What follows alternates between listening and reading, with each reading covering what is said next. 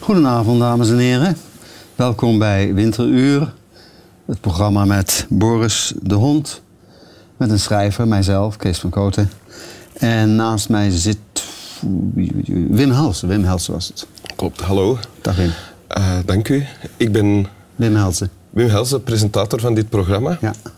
Uh, dus ik ga u een paar vragen stellen. Ja. Is dat goed? Ik vind u erg leuk, moet ik ten Dank u, zeggen. nu al. Ja. Ja, Uh, ja. In de zaal ook vooral. Oké. Ja. ja. Leuker dan in het echt? Dat weet ik nog niet. Ah nee, oké, dat gaan we dan nu ontdekken. Graag. De hond vormt de brug tussen ons. Ja, ah, Ja. honden, honden, honden, die Boris. Ja. Kees van Koten, wil u graag ingeleid worden nog? Eh, nee, uitgeleid straks. Uitgeleid? Ja. Oké, Ja. dat zullen we dan met gepaste eerbied doen, wanneer het eh, moment daar ja, is. Ja, geen Ja. muziek even weg nog. Dan, ja. Oké, je hebt een tekst meegebracht voor ons. Ja. Wil je die tekst voorlezen? Ja, die zal ik voorlezen. Ik heb een, eh, een boekje. En het heet Anecdotes. En dat is een notitieboekje. Eh, mooier dan de Moleskine, heel oud.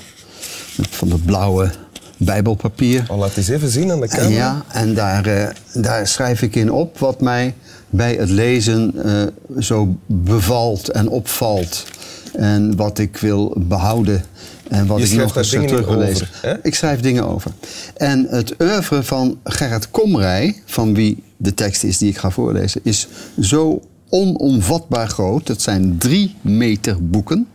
Dat ik niet wist waar, toen mij gevraagd werd door eh, uw Annemie een fragment op te geven, waarin dat stond. Met maar gelukkig. Annemie refereert Kees van Koten aan de redactrice die het voorgesprek heeft gevoerd. Precies, ja. Ik, niet mijn vrouw, ik heb geen vrouw die Annemie heet. Hoe heet Vooralsnog. Hoe heet ze dan? eh, Uw? Els. Els. Goed, ook goed. Els. Ik vind Annemie leuker. Als naam. Oké, ik, ik zal dat eens eh, in huiselijke kring bespreken en dan brengen we u op de hoogte van... eh, Of dat ze een weekje Annemie heet. Zo. Een weekje. Of Annemie Els wil heten voor een weekje. Dat is, maar goed. je had een tekst. Ja, eh, dat heb ik hier. Dikwijls, te dikwijls, ben ik zo met z'n tweeën. Maar die ander, daar beneden, weet niets van mij. Hij ouwehoert en hinkt maar door. Hij laat zich door niemand van de wijs brengen. Hij denkt zijn woorden te bouwen als paleizen. En zijn struikelen acht hij een soldatenpas. Op zekere dag zal hij omhoog kijken en ook mij, die hij zelf is, zien. Hij zal schrikken. Hij zal me uitnodigen bij hem te komen. Als de nederigheid zelf zal hij zijn. Ik zal in hem neerdalen en samen zullen we sterven. Voorgoed één en dezelfde zullen we langs luchten en wolken de schoonheid aanschouwen waaraan de aarde de haren ontleende en die wij elk afzonderlijk zo ontbeerden. een Die tekst van eh, Gerrit Komrij. Ja. ja. ik weet niet uit welke van zijn 80 bundels. Er staat de gelukkige schietzo staat erbij. ja, dat is ook een term van Gerrit zelf. Die heeft zichzelf de gelukkige schietzo genoemd. Ja? En wat hij hier beschrijft, dat ga ik, eh, naarmate ik ouder word, word eh, steeds eh, beter begrijpen. Eh, je bent altijd met z'n tweeën. Ik weet niet of jij dat ook hebt. Je weet wat je doet. Je bent een, een, een beschouwer van jezelf. Misschien, dat wilde ik vragen, dacht ik, ik ga dat aan Wim vragen. Heb jij het ook wel in, in de zaal? Ik doe het ook wel eens een enkele keer hoor. Eh, je leest voor of je speelt wat en die scène zit goed. Je hoeft er niet bij na te denken. Het is geen automatische piloot. Daar doe je te intens voor. Maar toch stap je even uit jezelf en zie je jezelf bezig. Heb jij dat? Ja, maar niet, niet alleen wanneer ik zat te spelen. Nee, eigenlijk altijd. Nee, niet altijd. Kijk mij nou eens, denk je dan. Ja. En toch al heel vroeg als jongen ook. Als je, als, als je voetbalt en je stelde je voor dat je Paul van Hiemst was of, of een andere grote ster. Ja, ja. Dat. Dan ben je eigenlijk al met z'n tweeën. Kijk, mij nou eh, impliceert iets van trots. Ja, zeker, zeker. Ja, of van schrik. En van afkeer kan het, Ja, kan het ook, ook, zijn. ja. Daar doe ik het weer.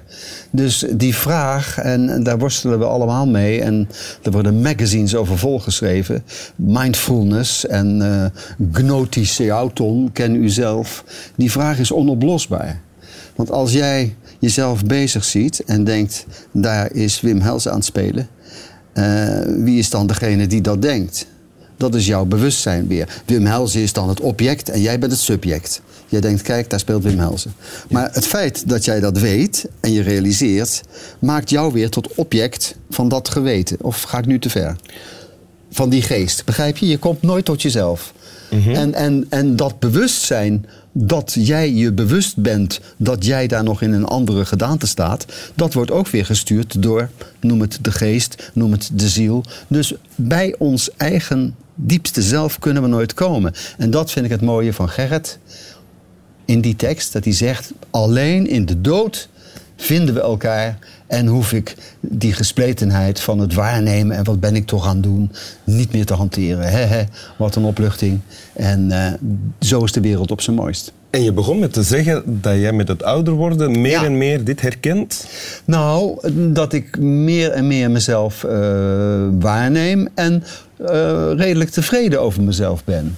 Die, die aanstellerige rol die, die is grotendeels verdwenen. En er zijn minder van die momenten van zelfreflectie. Ik neem gewoon de dag voor lief en ik doe het met volle inzet en met een goed humeur. En eh, elke dag een lach, enzovoort, enzovoort. Al die clichés. Zonder dat ik denk, hè, elke dag een lach, wat, wat moet ik nou weer doen? Nee, soms gaan er dagen voorbij dat ik dat helemaal niet heb. Dat ik mezelf niet hoef te beschouwen zo.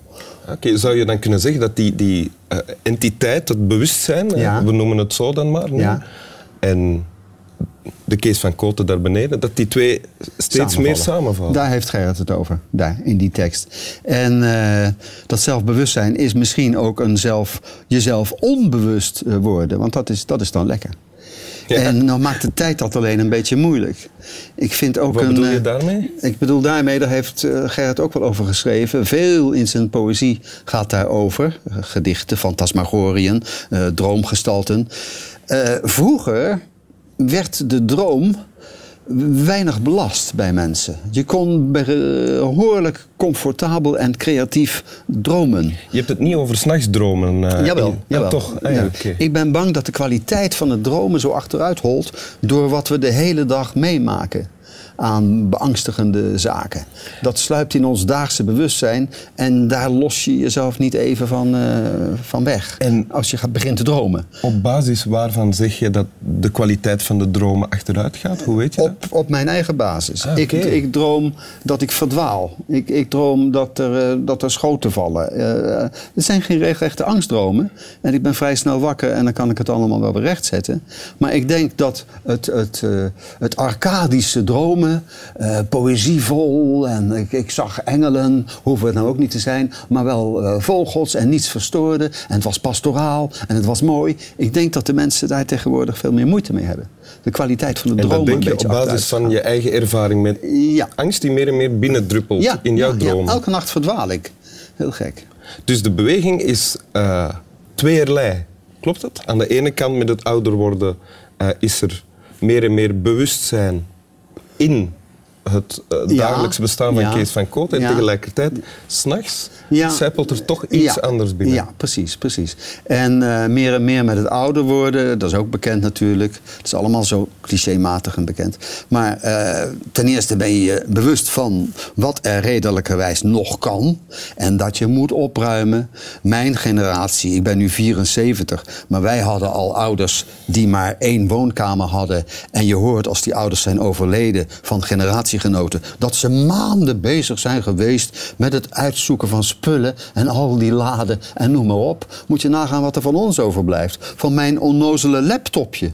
Wat ze toch al zullen moeten uitzoeken om aan bepaalde verzekeringsnummers te komen, enzovoort, enzovoort. Dus dat is de eerste. Ik weet dat ik nog weinig tijd heb.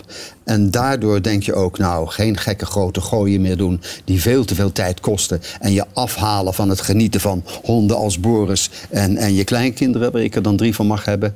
En dat maakt me een stuk eh, rustiger.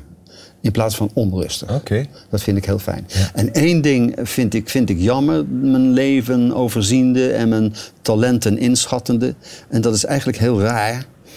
Eh, ik bedacht me eh, van de week, eh, toen ik mijn boekenkast weer eens ordende, en ging- wat ik nou zou doen, dat er een heel groot voordeel zit aan het hebben van een beta-vermogen. Ik bedoel, Wim, een, een, een, een wetenschappelijk werk, eh, iets wat me zou interesseren, dat neem ik door en, en dan haak ik af zodra er eh, rekenkundigheid aan te pas komt. Zodra er een formule komt. Dat kan ik niet en dat zal ik nooit weten. Op school die vreselijke uren met wiskunde. Maar tot in de verste verte niet rustig, begrijpen rustig, het rustig, rustig.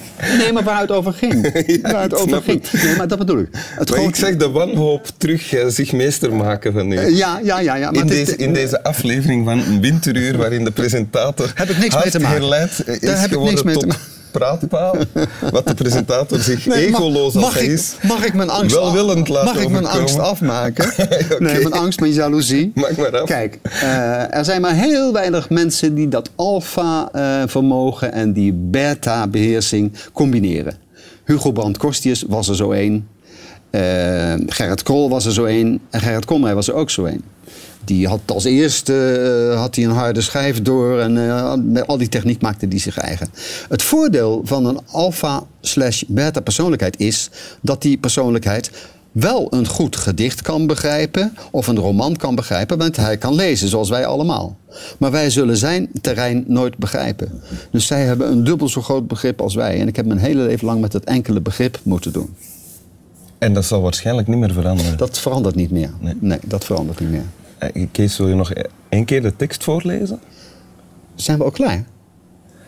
Nadat de tekst voorgelezen zal zijn, zijn we Oh, stilletjes aan. Het programma duurt een tiental minuten. ja. Officieel, dat is de tijd die we toegemeten hebben gekregen. We kunnen natuurlijk nog afleveringen eh Nou, dan lees ik hem nog een keer voor. Maar dat ging snel. Dat heeft helemaal geen pijn gedaan ook. Nee? Nee, dat Had je dat verwacht? Hè? Nou, Gerrit Komrij, toen hij de PC Hoofdprijs kreeg, hebben Wim en ik, Wim de Bie en ik, als Jacobs en Van Ness, was zo'n crimineel duo, hem weggegoocheld in een kist. In het Letterkundig Museum in Den Haag. En toen eh, eh, kwam hij eruit en toen zei hij. En het deed helemaal geen pijn. Dikwijls, te dikwijls, ben ik zo. Met z'n tweeën. Maar die ander daar ver beneden weet niets van mij. Hij ouwe hoert en hinkt maar door. Hij laat zich door niemand van de wijs brengen. Hij denkt zijn woorden te bouwen als paleizen en zijn struikelen acht hij een soldatenpas. Op zekere dag zal hij omhoog kijken en ook mij, die hij zelf is, zien. Hij zal schrikken. Hij zal me uitnodigen bij hem te komen. Als de nederigheid zelf zal hij zijn. Ik zal in hem neerdalen en samen zullen we sterven. Voor goed een en dezelfde zullen we langs luchten en wolken de schoonheid aanschouwen waaraan de aarde de haren ontleende en die wij elk afzonderlijk zo ontbeerden. Gerrit Komrij, uit de gelukkige Schietzo. Dank u wel. Graag gedaan. En. Snap wel.